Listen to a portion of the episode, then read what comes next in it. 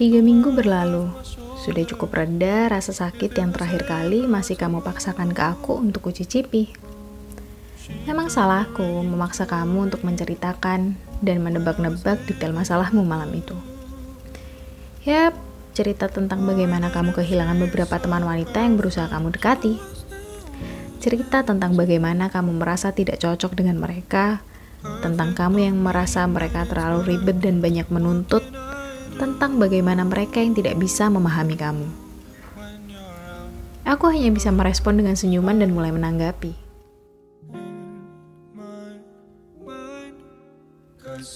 Hei anak nakal, apakah kamu masih menjadikan aku sebagai standar kekasih idamanmu? Kekasih yang ingin kamu miliki sampai maut memisahkan? Kekasih yang paling memahami kamu, memahami hal-hal yang bahkan belum kamu utarakan padaku. Ya, jawabmu. Makin tersenyum aku mendengar lelucon bodoh ini. Babe, kamu tidak akan pernah menemukan manusia yang sama sepertiku. Perempuan yang seperti aku. Karena yang seperti mereka lah perempuan sewajarnya. Yang menuntut waktumu, perhatianmu, yang selalu cemburu terhadap hobimu, yang selalu merasa kurang dengan kasih sayangmu. Bukan sepertiku, yang selalu mengalah, yang selalu berusaha memahami tanpa kamu beri penjelasan, yang selalu menerima bahwa waktu kerja dan hobimu adalah segalanya buat kamu. Yang memilih untuk tetap diam dan tidak memakimu walaupun aku sangat marah. Bahkan mungkin tidak akan ada yang sama, karena dari awal misinya sudah berbeda. Mereka ingin memiliki dan dimiliki kamu, sedangkan aku ingin membuat kamu bahagia dan tidak bersedih lagi bagaimanapun caranya.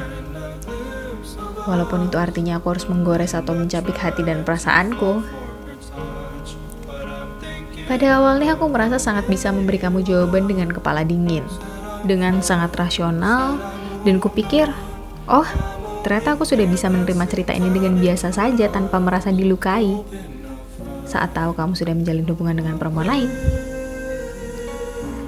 Lalu kamu mulai bertanya, aku harus bagaimana supaya mereka bisa menerima aku? Awalnya aku jawab seperti biasa, tapi kemudian aku tersadar, ternyata ini sangat menyesakan buatku.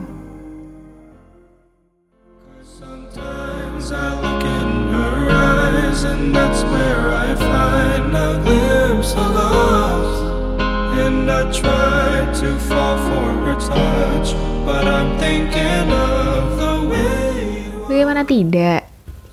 Aku memberi kamu saran agar kamu menjadi laki-laki yang aku inginkan.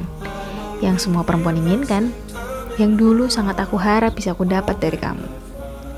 Tapi saat ini, aku malah harus menjadikan kamu lelaki yang sangat aku idamkan. Bukan untukku, melainkan untuk perempuan lain.